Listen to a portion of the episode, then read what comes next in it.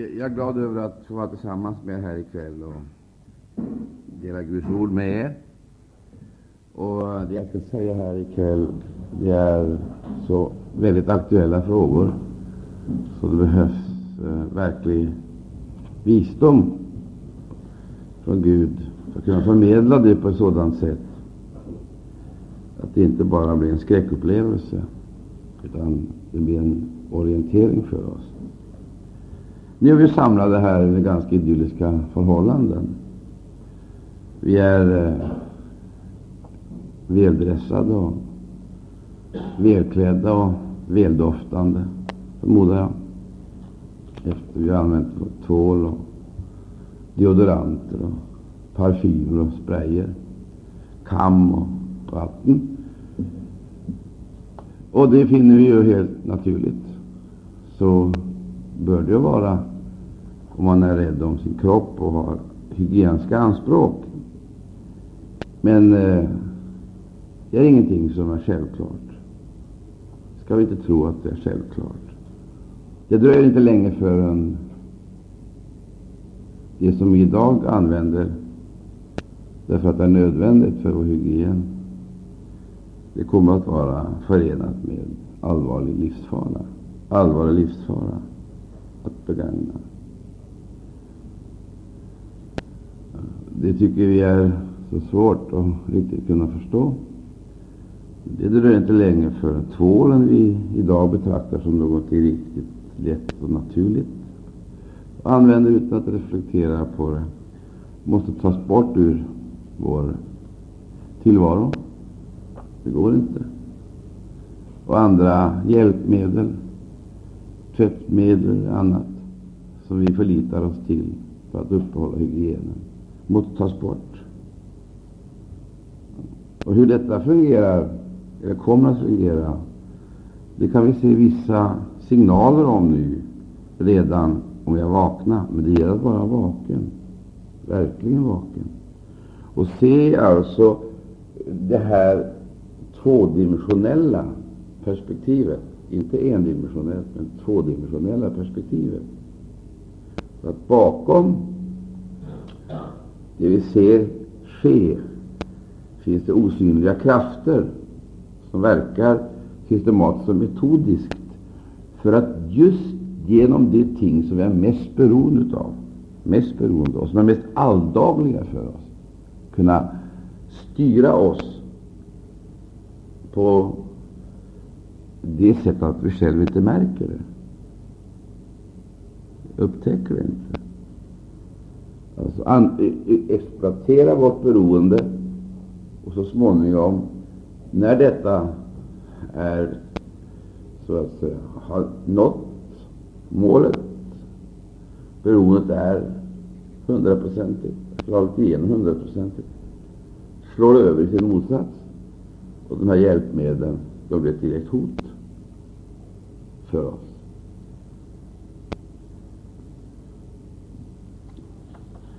Det finns ju nu tydliga exempel som ännu ter sig grova och kanske lite för svåra eh, eftersom de ser så grova ut och nästan lite för eh, brutala ut för att eh, de ska kunna sättas in i det här perspektivet.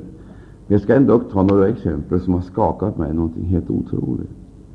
Men jag känner mig på något sätt lite ensam och övergiven, som om jag skulle ha något, vara nojig. Alltså, men jag är inte nojig. Jag vet att det jag känner det är fullt berättigat. Helt berättigat. Det har ingenting med noja att göra, utan det har med, eh, det har med eh, verkligheten att göra. Ja. Idag har eh, Jan Eger ringt mig två gånger. Och han säger när han kom hem till Norge från eh, veckan så blev han verkligen omskakad. Så fort han kom till Norge, för då fick han den fulla bekräftelsen på det han hade hört på Latorp den sommarkonferensen. Den fulla bekräftelsen. Det fick han. Han läste tidningar, norska tidningar.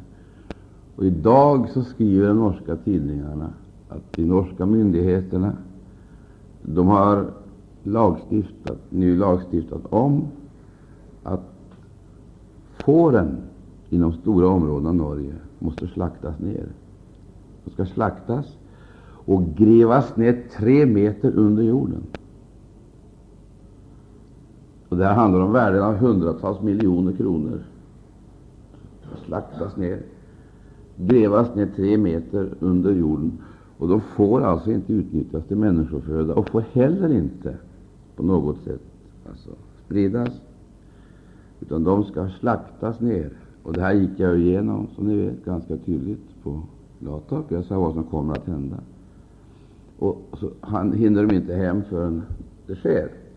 Då ska har dessutom eh, lagstiftat om att renstammen, vilket är samernas basnäring, den eh, måste slaktas ner. På samma sätt grävas ner.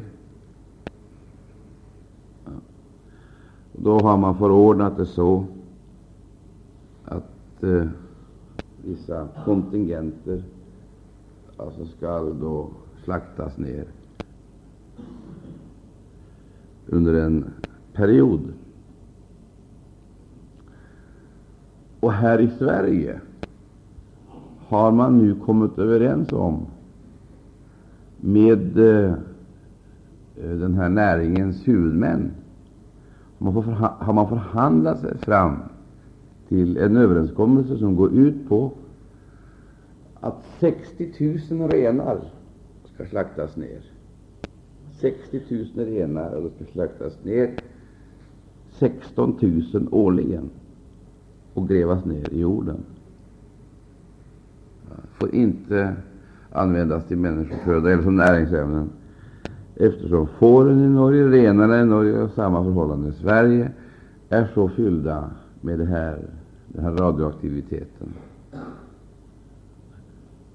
Så att det är alltså hälsovådligt att använda det som näringsämnen. Och nu skulle jag vilja gå in på eh, eh, de här eh, olika etapperna i det profetiska skeendet. Några etapper det är för ryttarna, ödesryttarna. Och så har vi basunerna och veerna. Allt det här.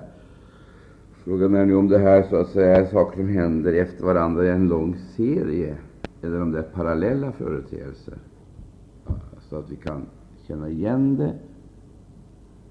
Ja, jag hinner inte fördjupa mig i det nu, men jag ska verkligen undervisa om detta, som det står i skriften, eh, under de kommande månaderna. Och därför hoppas, därför hoppas jag att ni kommer hit nu och förstår nödvändigheten av att orientera sig, för nu är det allvar. Det är fruktansvärt allvarligt att vara människa i denna tid. Eh, jag jag blev också skakad av en annan sak, detta att eh, skogens bär inte får konsumeras, ej heller skogens svamp.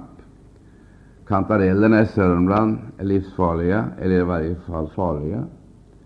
Och svampen norr om Gävle, Gävle uppåt, får heller inte användas i försäljningen. Och det här gick jag igenom. Jag sa det här kommer, det är bara att vänta.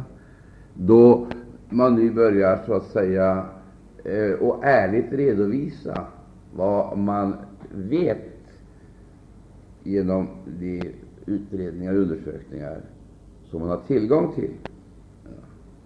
Nu kommer det att flyta upp till ytan vad denna eh, händelse egentligen har åstadkommit. Att, eh, det har man inte talat utav sanning, sanningen om.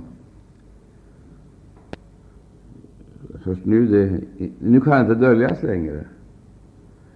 Att nu är frågan om att bären ska in och eh, säljas eller konsumeras av bärplockarna. Nu är frågan om att eh, de här husdjuren de ska bli föda så vidare. Nu måste det sägas. Och nu redovisas det undan för undan vad det egentligen är frågan om. Och det här är bara en liten, skulle jag vilja säga, detalj. En liten detalj som eh, eh, sett i helheten nästan försvinner. Även om det naturligtvis inte är någon tillfällighet, är jag helt övertygad om att det här namnet Tjernobyl, Tjernobyl, det egentligen betyder malört. Det betyder malört. Och vi har ju det uttrycket ifrån Bibeln. Vi vet ju. Ja, det är för malört som finns förvarad, magasinerad eller uppsamlad för det oerhörda händelserika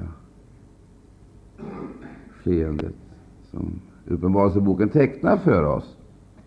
Jag tycker det är så oerhört allvarligt, för att eh, det här säger ju inte oss att Antikrist är snart fram. För vi verkar ju redan Antikrist ande på alla områden. Men det sägs ju att Jesus kommer.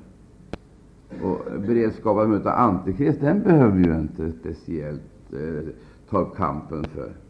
för. Det är bara att glida med, då sker allting utan att vi behöver göra någonting.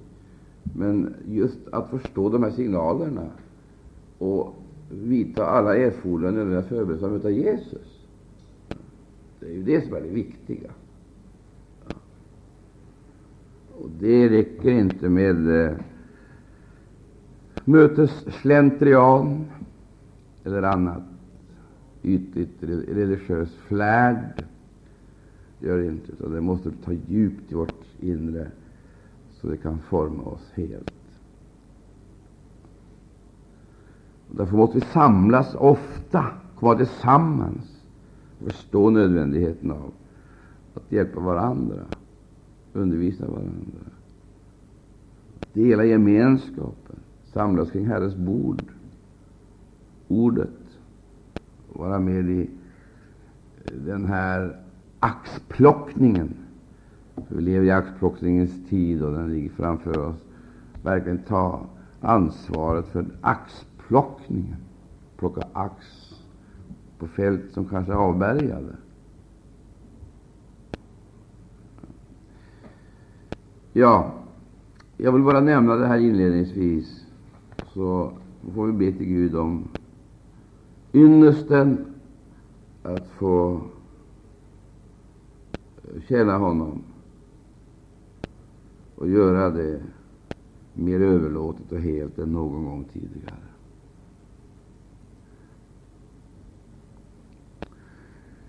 Nu är det så här, idag är det tisdag, imorgon är det onsdag, då det är möte uppe i serveringen, ett viktigt möte. Sen kommer lördag, och då ska vi ha ett missionsmöte här. Och det mötet, då ska jag riktigt grundligt informera om situationen i Dominikanska republiken, kommissionsarbetet där.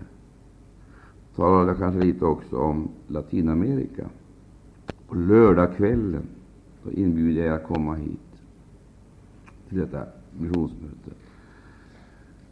Sen är det möte på söndag klockan 11 och 19. Och låt oss nu vara med i mötena och ta andra med oss.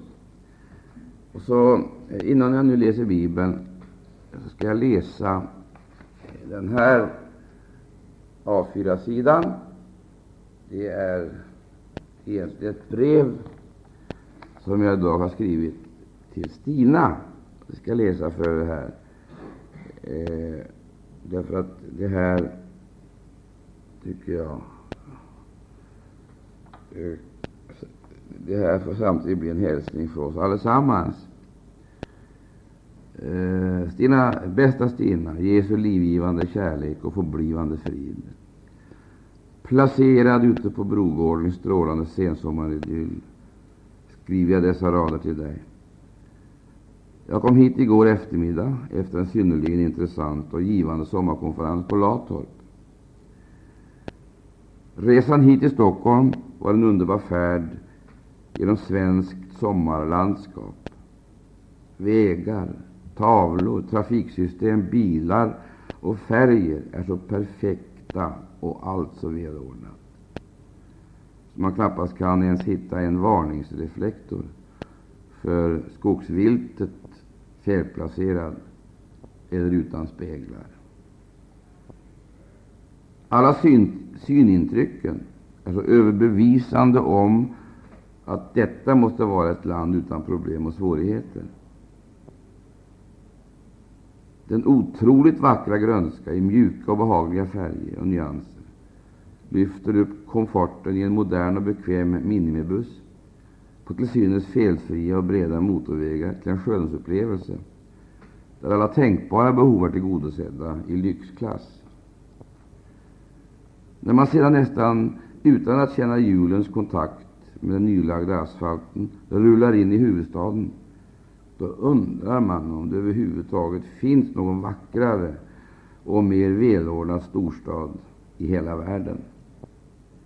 Stockholm är om möjligt vackrare än någonsin och trafiken flyter stillsam utan enerverande ljudvåld på dess rena och väl underhållna gator. I den förnäma folkvagnsbussen fanns det kok och frysmöjligheter med vatten och toalett, varför kaffe och förfriskningar bidrog till att göra hemresan njutbar utan något störande obehag. Man hinner emellertid inte mer än öppna den första dagstidningen för att se hur ytlig och skör all denna härlighet egentligen är. Helgen som ligger bakom har sin egen talande facit av rån och våldsbrott på nivåer som varvar alla tidigare rekord flera gånger på sitt makabra sätt. Dessutom informeras vi om att får och renar ska slaktas i stora mängder till värden för hundratals miljoner kronor och grävas ner i jorden tre meter under ytan.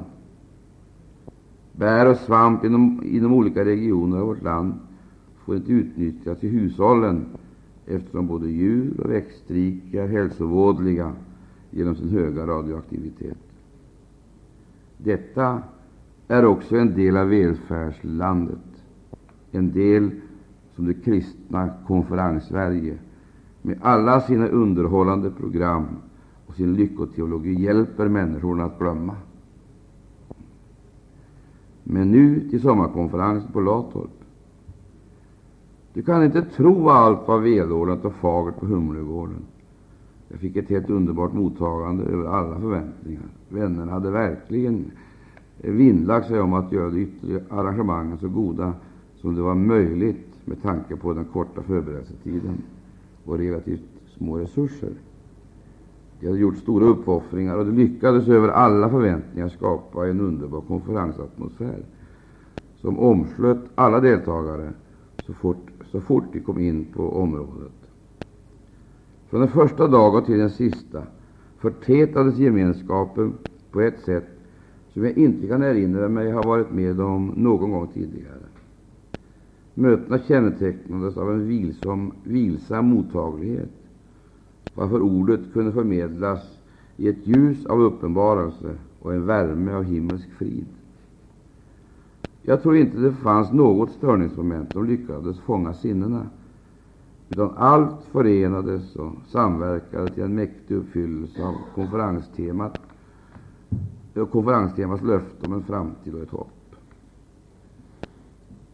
Andras rapporter i MR och kassetter från möten och bibelstudier får ge dig ytterligare information och konferensrepriser med de upplevelser de förmår förmedla. Det första missionsoffret i vårt arbete i Dominikanska republiken inbringade omkring 2 000 kronor. Ett par bröder i helylle från Guatemala som via Amsterdam hamnade på konferensen i sällskap med Kristina, Per-Arne och Agneta fick en offergåva på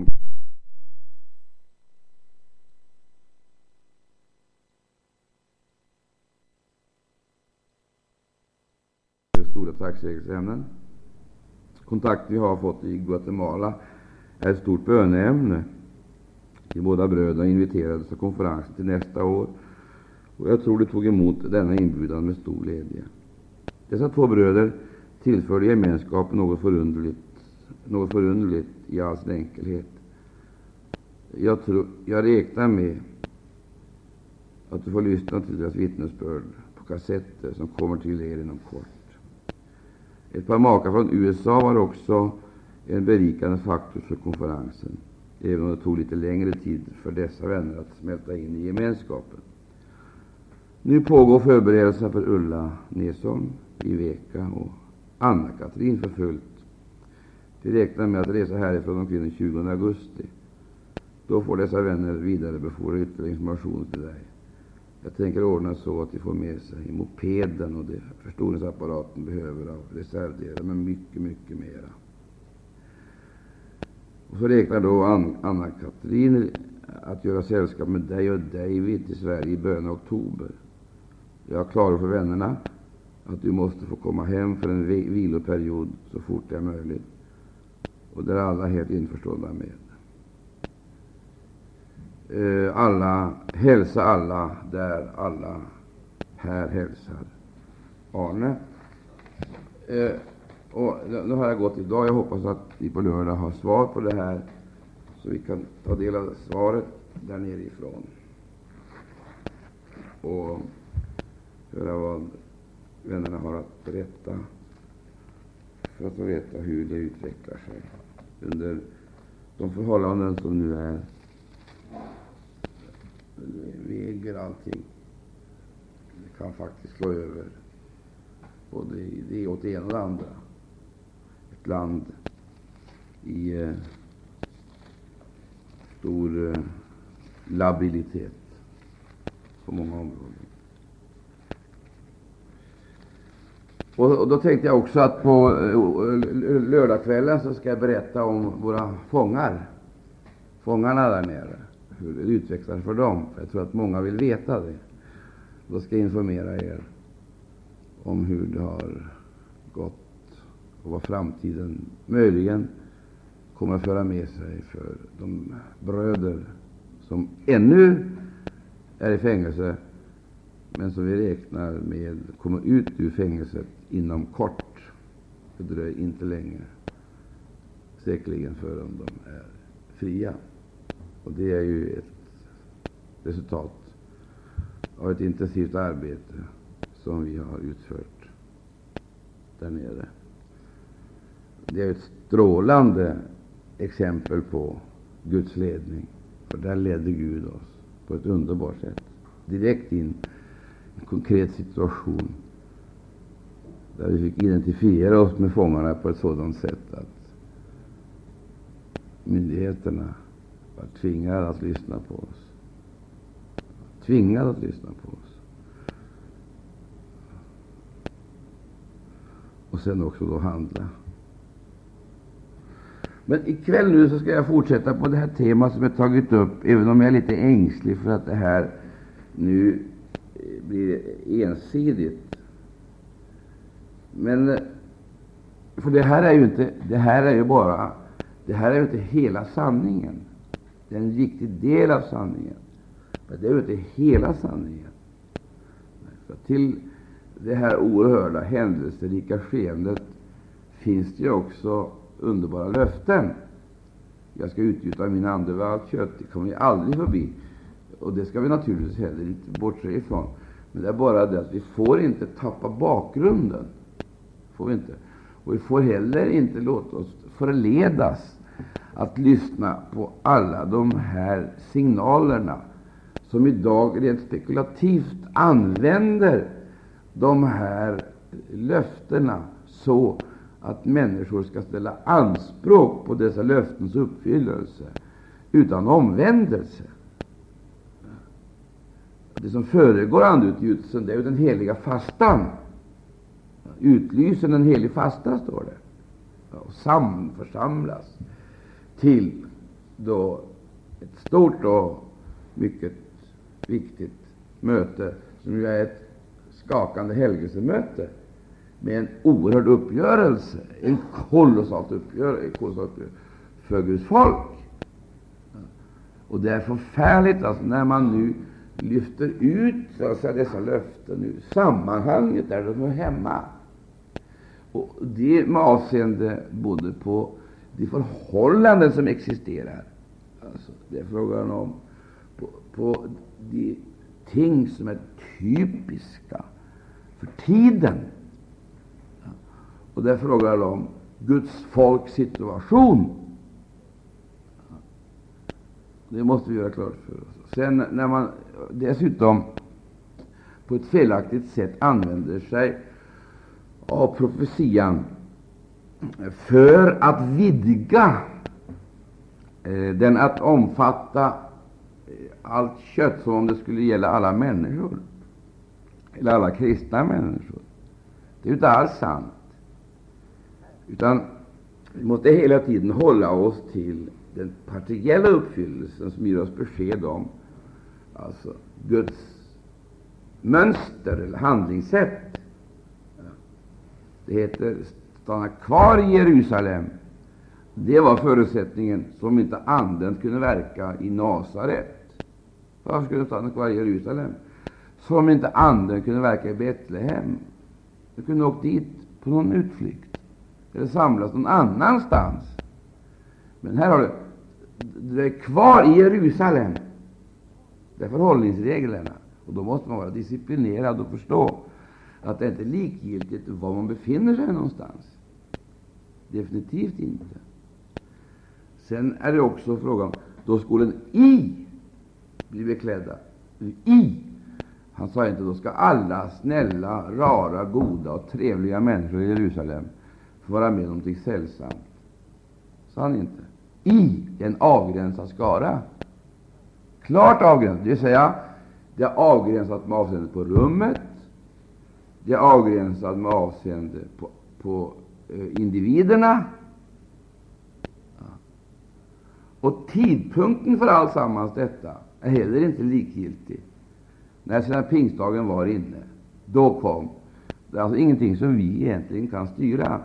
Vad, det, vad vi kan göra, det är att förbereda oss för mottagandet. Och när dessa förberedelser är avslutade, lika mycket då kommer Gud att låta Anden falla. Det är en princip som vi aldrig kan komma ifrån.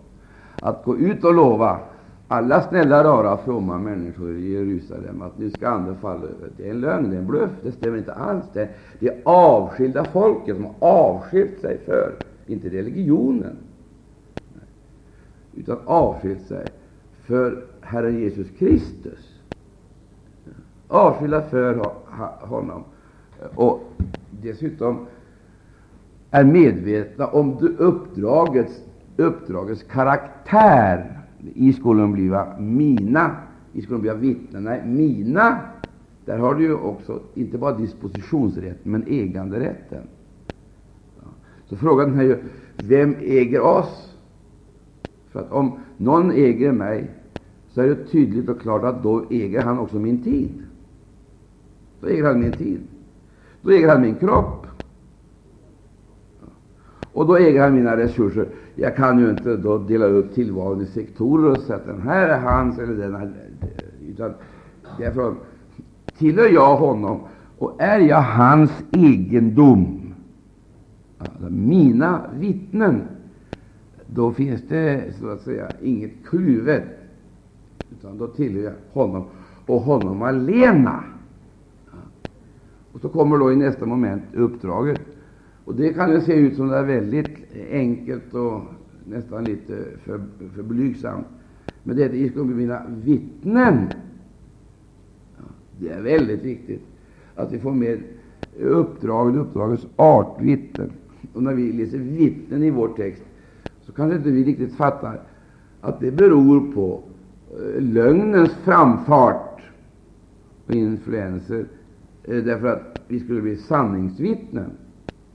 Lögn är en styrkedemonstration där vi alltså måste ha sådan kraft, överbevisande kraft, att vi kan tillbakavisa lögnen. Men vi är inte bara sanningsvittnen, vi skulle också bli uppståndelsevittnen. Och vittne blir man inte genom att skriva rapporter Eh, som man har hämtat ur exempelvis vetenskapliga avhandlingar eller göra utredningar. Vittnen blir man genom upplevelser. Man skall alltså redogöra för det man har varit med om på ett sanningsenligt sätt. Man skall frambära dessa sina upplevelser, som då just på grund av det upplevde signum har en sån överbevisande kraft i sig att det driver tillbaka lögnen. Och detta vittnesbörd det skall sedan fortplantas i nya, ständigt nya uppståndelseakter. Ja.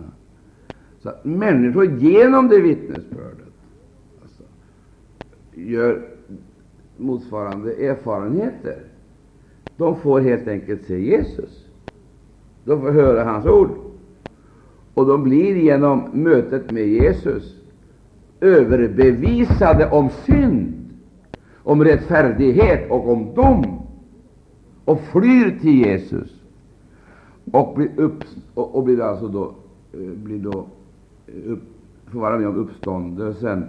Så skrevs det i som är uppståndna med Jesus. Vi ska söka det som är där ovan. Så uppståndelsen första akt, den är redan ett avslutat kapitel när man har kommit till tro på Jesus och blivit frälst. Alltså, och det har vi markerat i dopet. I här dopet markerar vi nu att vi har dött bort ifrån det gamla, gamla livet. Det hör det gamla till. Men vi har uppstått med Herren Jesus Kristus, och nu vandrar vi i gemenskap med honom. Och Jag blev så oerhört gripen när jag tänkte på det här eh, igår. Eh, för att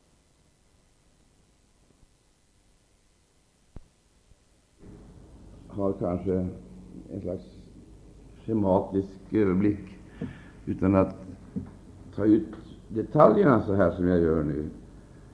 Men eh, när vi läser i skriften och vi eh, hör appellerna och maningen till gemenskap, så står det alltid att vi ska vi, Det är alltid fråga om en rörelse. Gå ut till honom, exempelvis, utanför lägret. Mina gödet anske, gå ut, gå. Det är fråga om en rörelse. Och jag skulle kunna säga så här, man kan egentligen konstatera på de kristna hur de har det med sitt andliga liv, om de är i rörelse. Men det är också frågan om rörelseriktningen, vad vi närmar oss. För eh, Lot var också i rörelse. Han närmade sig också till något, och det står han kom närmre Sodom och Gomorra. Han kom närmre, men Abraham, står det, han trädde närmre Gud. Och det ganska förundliga det är ju det här, nu ska jag lyssna noga, det är ju mängder av människor, mängder av människor som är Abrahams och Lots samtida. Och de närmar sig också någonting. De närmar sig Lot, och de närmar sig sändebuden på ett ganska upproriskt sätt. De är också i rörelse. Det är alltså inte en idyll för någon, utan det är kamp för alla. Alla måste resa sig och drivs av en vision, eller drivs av en längtan, drivs av ett inre behov, eller drivs av appeller eller signaler, antingen till strid, till kamp eller till vandring. Det här kommer vi aldrig förbi. Alla Abraham har sin kamp, som tar honom helt. Lot har sin kamp, som tar honom helt och folket i hans samtid, de har också sin kamp som förenar dem så att säga i en samlad aktion för att försöka undanröja eh, en analkande fara. För de upplevde de här sändebuden som en irritation som måste bekämpas för att de inte på något sätt alltså skulle kunna skapa, komma in och skapa och gestalta någonting nytt och något annat. De ville alltså ha inte bara ett tillfälligt erkännande, men total överlåtelse, totalt utlämnande till sig och därigenom en auktorisation av det liv de levde såsom det riktiga, humana, toleranta, ekumeniska och Och det här ska vi göra klart för oss, att alla, alla är i kamp, alla är i rörelse. Alla strävar och alla kämpar. Ja. Abraham hade sin kamp, han träder närmare Gud och gråter. Och han veder i vånda. Han beder på ett sätt som han aldrig har gjort någon gång. Han beder inte för sig själv, utan han beder för den här staden och dess invånare. Och han ser naturligtvis framför sig att också hans liv är hotat. För om Gud skulle förgöra fem, staden, om det föddes femte rättfärdigade i staden, då visste han då visste han att han heller inte kunde räkna med att få överleva, att leva vidare. Det var en otroligt betydelsefull, inte bara principiell fråga, utan lika mycket en personlig fråga. Frågan var inte bara hur det skulle bli med Lot och Sodom och Gomorra. Frågan var hur det skulle bli med hans liv och hans familjs liv under de här betingelserna. Så fanns det skäl att förgöra Sodom och Gomorra vad hade han då för skäl att åberopa för sitt liv, som skulle göra hans liv så alltså värt att rädda? Det här, vi, vi, ser så ytligt på det här, vi, ser, vi läser igenom de här texterna och tänker inte på hur oerhört det måste ha tagit tag i Abraham. För att om Sodom och Gomorra ska utjämnas, vad representerar jag som skulle göra det rättfärdigt att låta mig överleva? Det är självklart att de tankarna han brottas med. Och det är ju ingen själviskhet eller egoism, detta, utan det är ju frågan om att skapa förvissning om sin egen frälsning. Och det måste vara fullt berättigat. Jag måste ju veta vad det här slutar någonstans, vad det här innebär, om jag överlämnar åt ett öde, om jag överlämnar åt ett godtycke. Kan Gud alltså utplåna de där städerna då måste det finnas skäl, sådana starka skäl, som gör att inte min känsla eller min visshet på något sätt går förlorad eller på något sätt skulle kränka hans trofasthet så att hans trofasthet skulle vara hotad av hans rättfärdighet.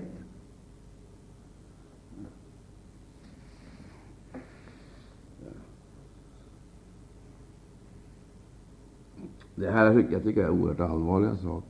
Jag säga. För att vi kan säga, vad är det som, hur ska vi kunna veta att vi förtjänar ett annat öde än världen? Vad har vi för någonting att åberopa som skulle kunna säga allt förgås i världen? Varför, vad, vad, har vi att över, vad har vi att åberopa? Vad har vi, är det vår verksamhet som gör oss unika? Är det våra enkla små möten som gör oss unika? Eller vad är det för någonting som skiljer oss alltså från allt det andra, som gör att vi kan se fram emot en annan framtid än det de andra har? Den frågan tycker jag det är dags att gripa tag i. Hur stämmer det här nu? Vad har jag för någonting? Och jag tror inte att vi blir speciellt högljudda om vi börjar titta på verkligheten. Men en sak är helt säker. En sak är helt säker. Det kommer att stå klart för oss som aldrig förut att det enda som övervinner världen, övervinner världen, det är vår tro. Tro. Då kommer vi in på själva nerven i livet, den gudfruktiges liv. Det är inte de egna kvaliteterna, utan det är tron. tron. Och det heter genom tro, genom tro, genom tro, genom tro. Men Ja, det, det, det, är väldigt viktigt det här. Jag tror Gud ska hjälpa oss. Vi förstår. Det, det är kamp för alla. Det är kamp. Och, all, och kampen, den det, det, det har olika uttrycksmedel beroende i vilken tjänst människan är och vilka krafter som dominerar henne. Abraham han trädde närmre och trädde ännu närmre. Och han beder och beder med allt intensivare och beder med tårar. Eh, här finns det 45? Finns det? Och så vidare så, går han neråt tills han upptäcker att det inte finns. Och jag vill inte påstå någonting här, men jag tänker mig saken på det här sättet att Abraham han tänker på sin egen situation utifrån det han personligen och tillsammans med sin församling representerar. Frågan är, är det, eh, är det fem rättfärdiga i Sodom och Gomorra? Är det det? Hur många procent eller promille kan det vara? Ja, det är ingen idé att ta upp den matematiken. Men problemet är det här. Om det inte finns fem rättfärdiga eller tio rättfärdiga i Sodom och Gomorra, om det inte finns det, om det inte finns så många procent, så många promille, hur ser det då ut i min skara? Det måste ju en ansvarsmedveten fader fråga. Hur ser det ut i min skara?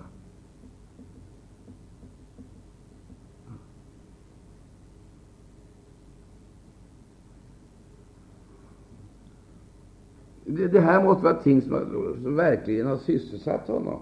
Hur är det egentligen med min skara? Och dessutom måste det ha känts fruktansvärt för honom av de här skälen. Lot var ju ingen främling. Det var ju hans brorson, och det var ju från honom han hade gått ut.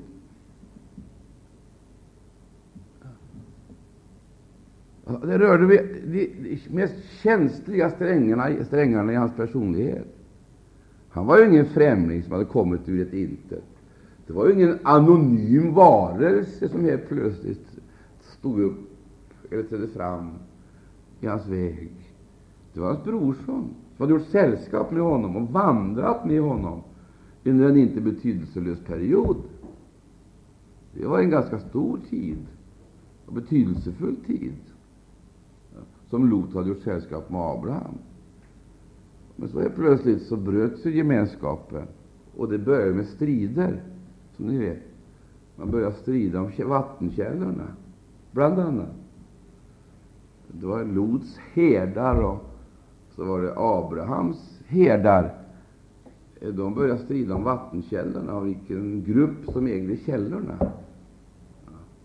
Och Det ledde fram till att Abraham fattade att här finns det ingen möjlighet längre att samsas, för båda jordarna växer och utrymmet blir för litet med de anspråk som Lot har och Lots herdar.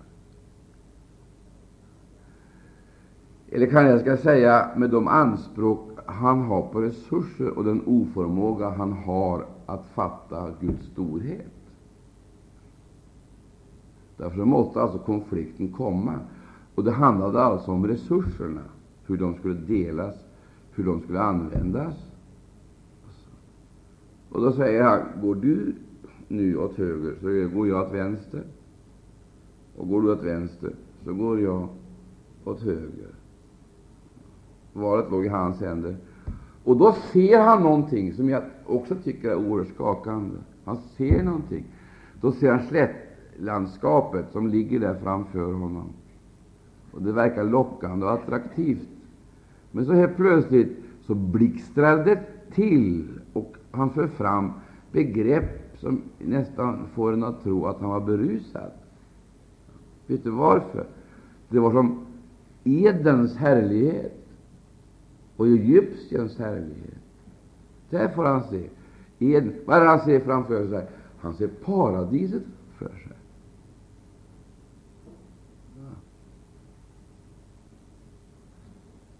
Och någonting bättre än paradiset finns det ju inte för någon, framför allt paradiset är ju för fromt folk. Så han måste ju då samtidigt tro att på det där sättet som är så framgångsrik och som representerar sådana enorma värden, har så mycket att erbjuda människorna, så paradislik, där måste det vara fromt folk, av Gud rikt välsignat folk. Och så här kan vi se texterna. I det här perspektivet då anar vi ju att Abraham och Lot, de har ju inte eh, eh, de har ju, de har ju inte vandrat ur tiden utan att lämna förebilderna efter sig. Och när jag säger bilder, då menar jag inte bilder som vi hänger på väggen och tittar på, utan jag menar de bilder som formar vår personlighet.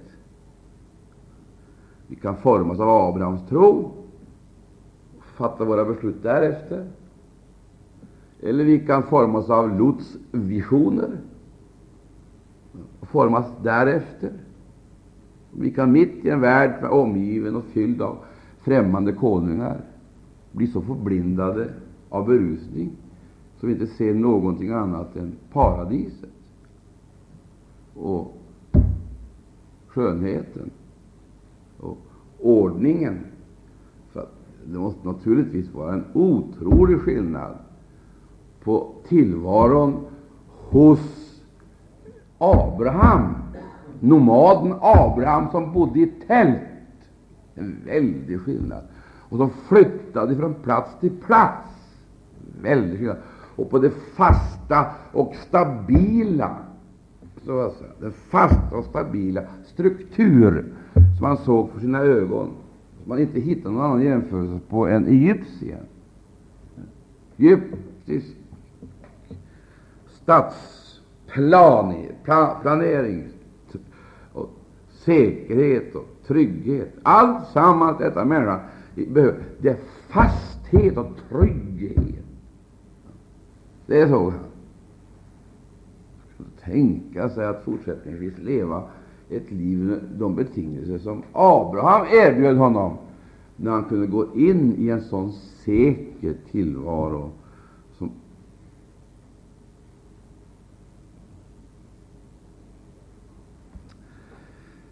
Käre Gud i himlen, och vad bedrager människan är. Vad lättlurad hon är. Vad lätt hon blir förblindad och förförd och bara en vision. Och så är hon som om, då ser hon inte någonting, ser ingenting. Då ser hon paradiset, och då ser hon stabiliteten och tryggheten. Och så ser hon ingenting, förstår ingenting. Här på slätten härskar konungar som är direkt farliga. Och här finns det stora fallgropar, hemska gropar, som kan förvandlas till gravar eller fängelser. Såg han heller inte. Men han såg, och så nakade rörde han sig. Och det är det här jag upplever när det gäller oss. Vi gör sällskap en, en lång tid men så är det precis som visionerna skiljer oss åt. Så att vi vill ha, nu, vill jag, nu vill jag ha trygghet, nu vill jag ha fastare saker. Jag ska, nu ska jag ha fast lön, jag ska ha fast lön, ska jag försäkringar och nu ska jag ha en säker utbildning för mina barn och stabil skola utan någon brist, eller utan främlingskapet och pilgrimskapet och nomadskapets så att säga liv i ständig otrygghet, i otrygghet, kamp med, eh, med, i kamp med makter och myndigheter och så vidare, och i eh, strid med alla de ting som vill överfalla. Det är ingen tillfällighet att eh, de här stygga fåglarna är intresserade av Abrahams offer. Det är ingen tillfällighet. Det står ingenting om att Lot mötte sådana hemska fåglar, men Abraham gjorde det. Och tycker man att, Lot skulle, att Abraham skulle få vara i fred när han offrade så gudfruktigt och la upp och planerade och la allsammans. Och sen har knappt mötesplatsen och altaret var knappt iordningställt och offren ditlagda och förrän fåglarna kommer. Han borde få vara i fred. Gud skulle beskydda honom. Han fick resa sig upp och med sitt liv som insats driva dem tillbaka. För de ville ta en bit och Så en bit till och en bit. Till sist hade fåglarna tagit hela offret. Det som var offrat åt Gud, det ville fåglarna ha. Han hade väldig kamp. Helt plötsligt, helt plötsligt så kommer de nästan som ur intet, de här hemska fåglarna. De hittar vägen till altaret, de hittar vägen till Abraham. Det står ingenting om att Lot brottas med sådana problem. Hade inga sådana svårigheter. Hade ingen sån kamp. Och mörkret kom tjockare och mer ogenomträngligt än någon gång tidigare. Och han väntar. Med bevan så väntar han. Han kan ingenting göra utan bara vänta. Och när fåglarna kommer, då reser han sig upp, för att de här är faktiskt inte offrade åt fåglarna. Och vad representerar fåglarna i det där sammanhanget för någonting? Det är bara att konstatera att de var där för att stjäla offret. Ta det offer du givit åt Gud. Ta, och det är ju så eh, den här världen arbetar. Plocka bort det man har gett åt Gud. Plocka bort det. Ta det bort ifrån altaret. Och, eh, sen är det självklart att det är näring åt andra växter och kroppar. Klart det. Det är andra som kommer att utvecklas och må gott av det. För att eh, lögnen kommer att må gott av det, för lögnen kan inte överleva utan sanningen. Vad säger du? Den är direkt beroende av sanningen, lögnen. Den vegeterar på sanningen. Har du sett de fåglarna som tog plats i grenverket i Jesu liknelse? Där byggde de sina nästen. För att i nästa moment så ser de ute på vägarna och hackar i sig det utsäde som hade kastats på vägarna. Det tog de så fort de kunde. Tog de allt det som hade kastats ut, åt dem upp. Det vill säga fåglarna livnärde sig på det goda sedet, Det goda utsedet. Så är det alltid. Villfarelsen har sin förutsättning i det sanna, äkta Gudsordet. Därför ska vi lägga märke till att eh, ogräset det blir speciellt intressant då det visar sig tillsammans med det sanna sedet. Det blir väldigt intressant, därför att då upptäcker man den oerhört snarlikheten. Det är så likt allting annat. Och man hittar inte skillnaden förrän skördetiden är inne. Då framträder skillnaderna klart och tydligt. Det ser man alltså inte i framväxten. Så likt, så likt. Ögat kan inte fatta det. Så närmar man sig skördetiden växten växten tar slut och så kommer så att säga de här, eh, de här kornen fram. Då upptäcker man det är inte bara olikhet i form, för den är ganska lik den också. Klasen. Så börjar man titta på dem. Olikheten det består i själva arten.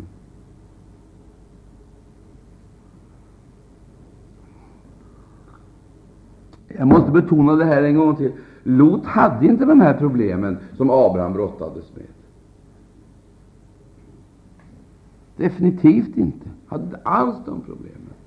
Den kampen, den striden, den våndan, det lidandet, det hade inte Lot.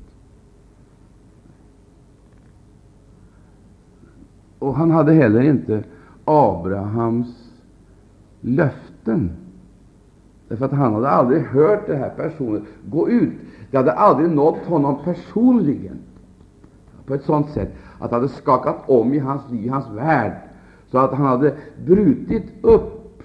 Utan när han såg hur välsignad Abraham var, när han såg hur välsignad, så blev han så imponerad av denna Abraham. Och han blev så imponerad när han hörde om Abrahams, eh, Abrahams beskrivning och målning utav den stad som Gud hade visat honom i den här visionen. Staden med de fasta grundvalar han såg fram emot. Och han hade aldrig sett vad eh, Abraham hade, eh, vad Abraham hade sett, hade inte Lot sett. För vet du vad Abraham hade sett för någonting? Som helt och hållet präglade hans liv, även om det blev, gick snett en och annan gång. Så ser vi hur han återvänder oupphörligt och korrigeras. Dras tillbaka, liksom. Det är Guds ingripande. Men vad var det för någonting som hade satt eh, sitt djupa, eh, sin djupa prägel på? Det var det här. Abraham såg min dag och blev glad, sa Jesus. Det var ett märkligt vittnesbörd. Han hade sett Jesus. Och vad kände han igen i Jesus, tror du? Sig själv. Det fanns, det fanns något gemensamt, fundamentalt gemensamt, likt. Han hade något som var gemensamt med Abraham. Men skillnaden var den att när han såg Jesus, så upptäckte han att det var inte bara det att han längtade efter det Jesus representerade, talade om, utan han upplevde att han var också mättnaden för sin längtan, för den här, hans längtan. Det vill säga, priset var inte för högt. Vad hade han då? Vad hade han då? Vad hade han då som betydde så mycket för honom och som var, som var så avgörande för hans vandring? Ingenting annat än Jesus. Han såg Jesus. Tror du det? Ja. Han, han, alltså, staden och allt sammans man fått löfte om, det visste han, det fanns där, men det hade sin förutsättning i Jesus. Mötet med Jesus, vandring med Jesus. Och vet du vad Skriften säger då det gäller eh, folket, Guds folk i Gamla testamentet? Det fanns en källa som åtföljde dem. Står det inte så? En källa. Annars brukar vi gå till källan. Sant? Samlas omkring. Vi går till källan, samlas omkring källan. Men här står det källan åtföljde dem. Den följde dem.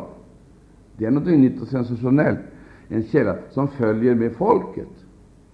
Annars brukar man bygga omkring källan.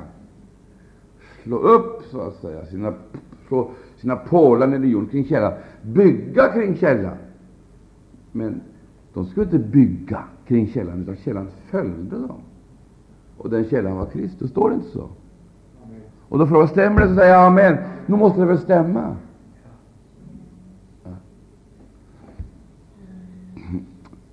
Nu ska inte jag hålla på så värst mycket längre. Jag ska ta tio minuter till.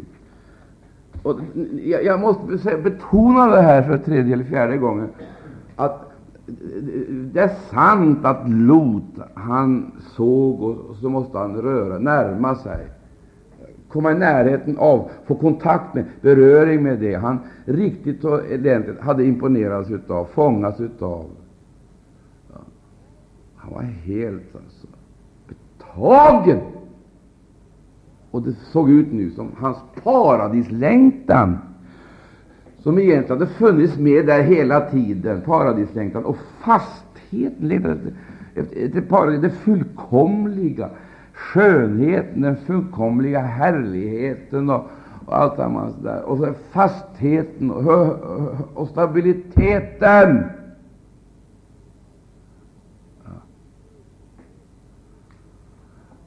tryggheten, paradiset, allt vad det representerar av löften och möjligheter för en människa som vill framåt och dessutom uppåt. Man kan inte se något bättre. Då måste han närma sig det. Och titta, han närmar sig Sodom och Gomorra. Det var helt naturligt. Och det var en rörelse som ingen ingenting förmådde hindra honom till. Nu skulle drömmarna förverkligas. Här erbjöds framtiden, utbildningen. Här fanns näringen. Här fanns huset, bostaden. Här fanns framgången.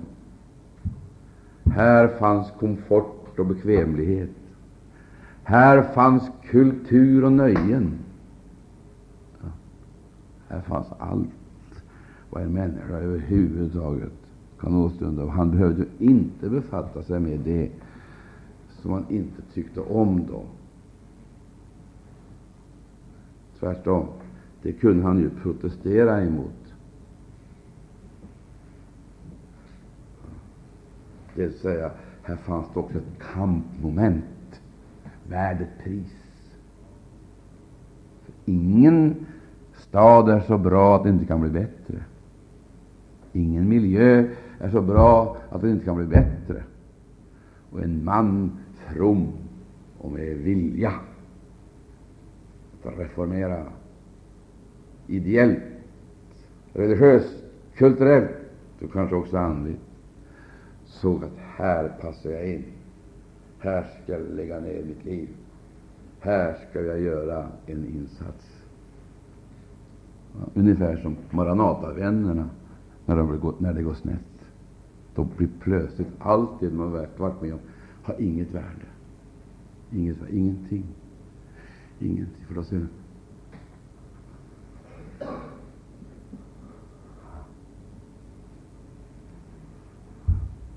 Fast nu har gått tillsammans med Abraham, Trons folk i årtionden.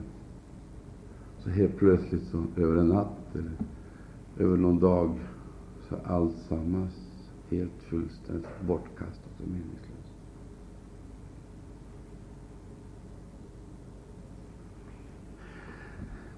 Ja, det var en parentes bara. Det är väldigt viktigt att vi gör klart för oss att alla möter konsekvenserna, resultatet så småningom. Ja. Lot hade ingen aning om kungarna som fanns på slätten förrän han blev deras fånge och blev fråntagen allt vad han hade. Allt vad han hade blev han fråntagen, berövad precis allt vad han hade. Och själv blev han fånge och bortförd. Det blev ingen rak väg in i Sodom och Gomorra. Han blev bortförd som fånge. Och om inte Abraham hade, jag, Abraham hade jagat efter honom, så hade han aldrig fått tillbaka friheten. Men Abraham, han jagade efter honom och frigjorde honom.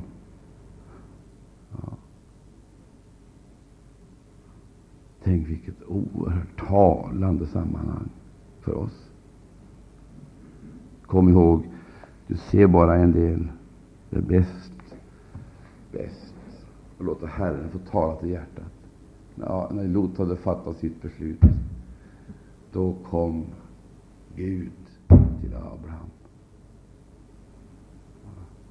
Så säger Gud åt honom, Abraham, lyft upp dina ögon.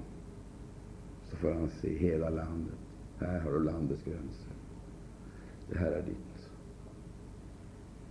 Det här är ditt. Käre Gud. Och det här är så underbart, för i det här känner vi igen detta otroliga skeende som vi sen möter hos Jesus. Han fick se hela världen. Han fick se hela världen och bli erbjuden all dess härlighet. Allt detta är ditt om du faller ner och tillbeder mig, så är alltsammans detta ditt.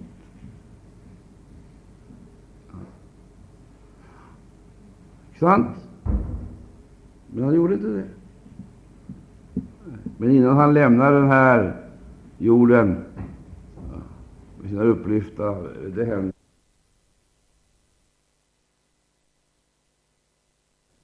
efter korset. Före korset, en korslös, en korslös härlighetsvision. Men efter korset, då får han en sann vision av vad Gud vill. Det säga, hela vårt liv det måste ses utifrån korset. Nu vill vi ta bort lidandesidan för att vi ska ha en ny härlighet utan kors. Framgång utan korset. Framgång utan smärta. Så börjar vi fäkta. Och så inbillar vi oss att vi tillbeder vi nu tillräckligt intensivt, tillräckligt mycket, så äger vi det. Så är det vårt. Men det var ju det han sa. Om du faller ner och tillbeder mig, så tillhör det här dig. Va? Det är från tillbedjan. Identifiera sig med. Vad då? Tingen, världen eller med honom? Identifiera sig med tingen, världen eller identifiera sig med korset? Jag dröjer en liten stund till, när det är bara fyra minuter kvar. Jag dröjer en liten stund till inför den, därför att jag vill göra klart för dig. Dina visioner, dina drömmar kommer att engagera, sätta dig i rörelse. Det kommer att göra dig till en fromhetstyp, till en människa, så att säga, som för att uppnå det du har sett eller hört eller gripits och fångats utav, sätter dig i rörelse.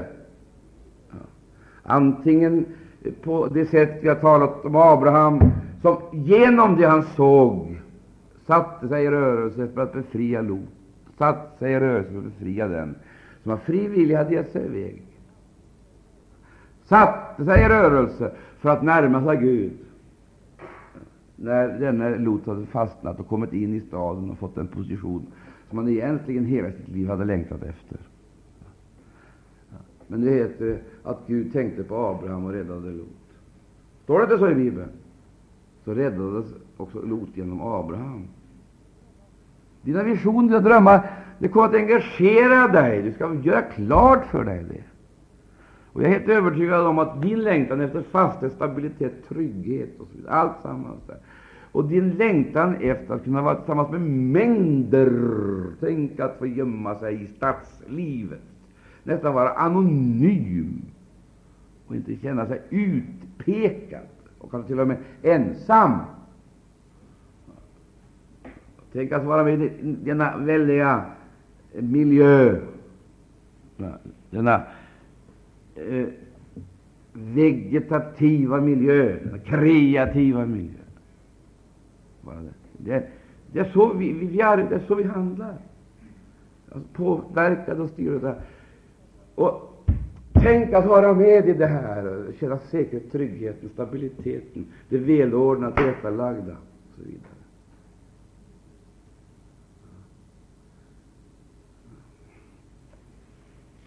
Så begår vi våra misstag. Livet med Abraham var alldeles för eh, eh, labilt, eh, förenat med så många uppbrott. Och bo i tält, det är ingen bekväm tillvaro. Nomadlivet är ingenting som lockar när det finns stabila och fasta städer. Kampen mot elementen, det är ingen lätt tillvaro. Och sen dessa ständiga konflikter som denna Abraham hade mot andra makter. Jag nämnde om fåglarna och annat som tog och hotade. Både du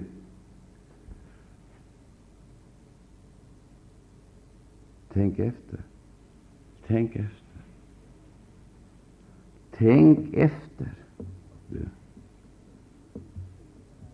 För det finns ju ingenting i det här som jag nu har sagt som ligger utanför vår intressesfär. Det är de här frågorna vi brottas med. Vi är inte långt ifrån Lot, och vi är inte långt ifrån Abraham heller, hoppas jag.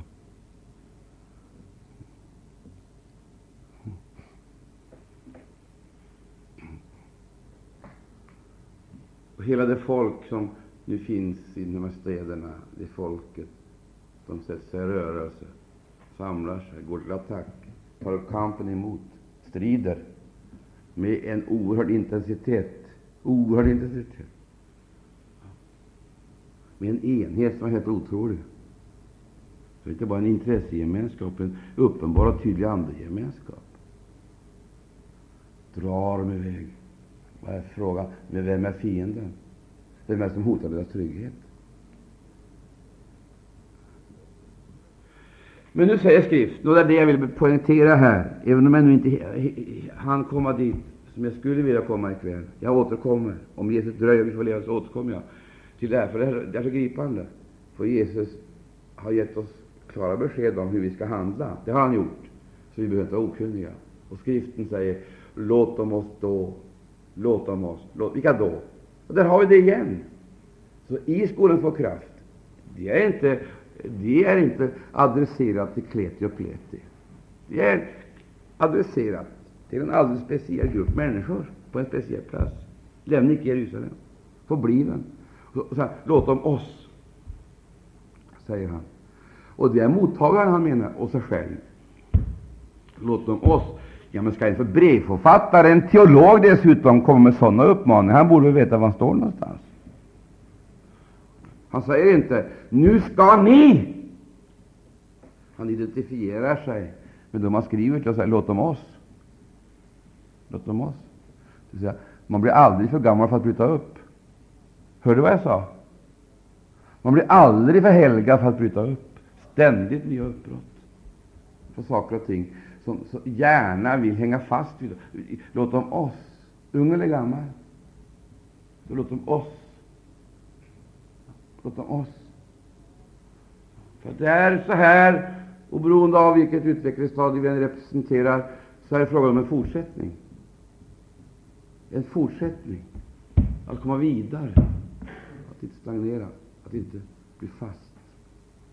Och låt oss Låt oss gå ut. Gå ut till honom. Målet är klart. Till honom utanför ledet. Platsen är given. Ja, det, det, det, här är, det är, jag tycker det är kristallklart. Eller är det inte det? Vem ska vi närma oss? Vem ska vi närma oss? Vi ska naturligtvis närma oss,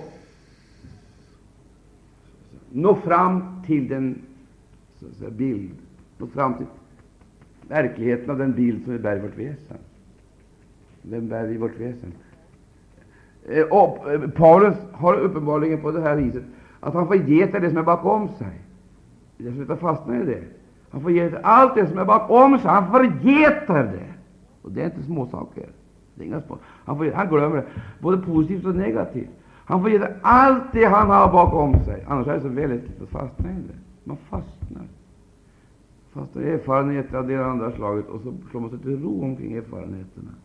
Men vi getar det som är bakom oss och sträcker oss framåt. Stämmer det? Sträcker oss framåt. Det mesta framför oss? Är Kristus. Oberoende av vilka upplevelser vi har gjort med Kristus, så sägs honom som förmår göra mer. Mer. Mer. Nu har jag gjort en fantastisk upplevelse med Kristus, det är honom som förmår göra mer. Och nu kan jag se vilken rörelse, vilken rörelse du är inne i om du har rörelsen som så att säga, med iver närmar dig Kristus och aldrig blir så att säga, färdig eh, på det sättet att du är färdig och formad, slutformad, utan du hela tiden strävar framåt. Och vad strävar framåt? Det är att närma sig honom. En sak till eh, som hör hit. Låt oss gå ut till honom står det. Men det står också utanför lägret. Jag tror att det absolut största riskmomentet för kristna i alla tider, det är lägermentaliteten. Att man lägrar sig omkring. Man blir en lägerkristen. Och jag har en känsla av att det är många som, in, som, inte, som inte kommer vidare därför att de har blivit lägerkristna. Men gå till honom utanför lägret för att bli välsignade för att bli styrkta. Nej, för att bära hans smälek. Och det här tycker jag är så förunderligt, därför att hela den här bilden av en kristens verklighet, den är så talande och belysande. Den är så klar och vägledande så det är ingen av oss som behöver vara i, det minsta tvivel om sin egen situation, om man vågar spegla sig här i ordet. Ingen. För vi vet alltså precis var vi är någonstans, om vi vågar spegla oss i ordet. Då får vi full orientering. Om vi vågar spegla. Vi vet precis. Och vi ställer oss sedan under det här ljuset och låter det genomlysa oss, då får vi samtidigt se så att säga, vad Gud vill med oss det mål Gud har satt upp för oss och för vandring. Och då blir det klart, ska det målet kunna förverkligas, då måste det till någonting annat än mina egna fysiska och inomvärldsliga krafter. Då måste jag möta honom. honom. Till sist, alla är i rörelse. På ett eller annat sätt är de i rörelse. Alla längtar efter, strävar efter. Alla kämpar. Men det är frågan om hela tiden vad är vi rör oss emot. Vad är vi kämpar med och för? Frågan om skriften går ut till honom. Herre, vi ber dig, vi ber dig om, om förstånd och vishet. Hjälp oss att fatta det här, kära Herre Jesus.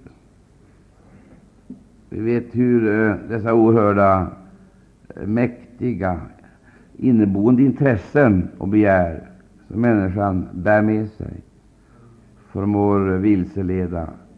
Och hela den värld här av lockelser, kära Herre Jesus, och den oerhörda attraktionskraft som omger henne. Käre Gud i himlen, med alla dess ideal, alla dess krav, alla dess utfästelser, alla dess resurser och möjligheter. Herre, hjälp oss förstå kallelsens innebörd, kallelsens rejäla, verkliga innebörd, kära Herre, utan att på något sätt förändra på det hela. Ora la magandori si Vi vet ju att vi är med i Herre Jesus, en rörelse. Vi är med i en rörelse. Vi vet att vi eh, identifierar oss med några eller någon. Eller. Vi är med i ett sammanhang. Herre Jesus, käre vi vet att vi antingen är utanför lägret hos Abraham. Vi vet att antingen så bor vi i tält eller så har vi slagit oss till ro, kära Herre, och söker förbättra och reformera den här världen och arbetar och rör oss i den riktningen att skapa ett paradis, kära Herre, av den jord som är sparad åt eld. Herre, du ser hur vi strävar. Gud i himlen för att uppnå detta mål. Ungdomens, eh, kära Herre, entusiastiska strävan efter att uppnå frihet, självständighet, jämlikhet, broderskap. Och Herre, det är bruk för allt sådant i världen. Världen behöver dessa krafter. Men vi vet att våra insatser, Herre Jesus, hur vällovliga de än är, hur ideella de än är, så leder de inte fram till något bestående. Det får gå oss om inte görs. Kära Herre. Halleluja, Maranata. Men tack att det finns en stad med fasta grundvalar. Kära Herre, vi ser staden hemlandets oerhörda, mäktiga storstad, huvudstad. Kära Herre Jesus, som väntar på sina medborgare. Io morosi calamandavrios. Åh, oh, Herre, vi lovar dig, vi lovar dig, vi lovar dig, hjälp att se på tingen på ett sant och rätt sätt, Jesus. Herre Gud, Herre Jesus så att vi inte blir bedragna, fångade, kära Herre Jesus, av alla dessa förlustande moment. Herre Jesus. Åh, Haramagandorius. Du döper i den heliga Ande, Jesus. I sanning gör du, du döper i den heliga Ande. Kära Herre. Och du är underbar också på det sättet att du helar de sjuka. Du helar de sjuka. Du botar sjuka kroppar. Halleluja, halleluja. Käre Gud, det är så mycket som vi, Herre Jesus, Jesus, Jesus, Jesus, har i vårt inre. Funderingar, frågor, jämförelser. Kära Herre Jesus Kristus. som vi vill ha svar på. Och endast du kan mätta oss, Jesus. Endast du. Mötet med dig förändrar allt. Käre Gud, du gör livet, kära Herre, meningsfullt och evigheten verklig. Tack för seger. Oh, min Garonos figlio. O Jesus Kristus. Käre Gud, käre Gud.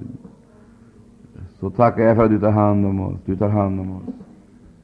Du är nådig, men du är också sann och rättfärdig.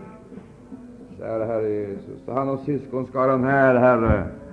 Ta hand om syskonskaran här e i detta nu. Åh, oh, halleluja halleluja.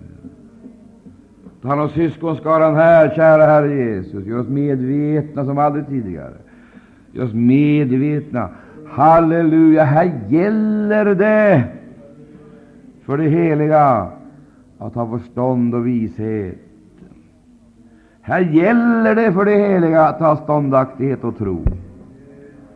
Här gäller det, Herre, att ha. Det kommer en dag, kära Herre, då vi måste äga detta. Och Herre Jesus Kristus. Gud i himlen, hjälp oss att vi inte fastnar, käre Gud, utan växer till.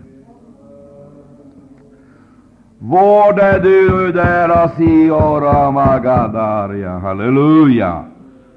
O Herre, vi ärar dig för underbara bönsvar. Och vi förnimmer att du förbereder oss, halleluja, detta nu. För att du vill använda oss, kära Gud, i den här oerhörda kampen. Mänsklighetens stora slutstrid.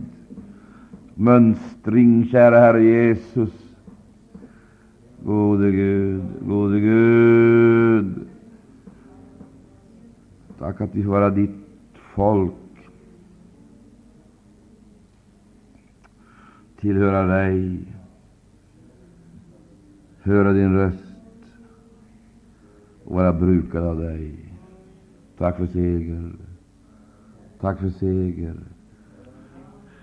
Åh, Herre, träng dig ner i vårt inre väsen, Herre. Och träng dig ner, låt ordet sjunka ner. Låt det sjunka ner i vårt inre väsen, käre Gud. Låt det sjunka ner, Herre, i vårt inre väsen. Som är oss i oss. Tack för seger. Det är någon mer som talar med Herren här nu.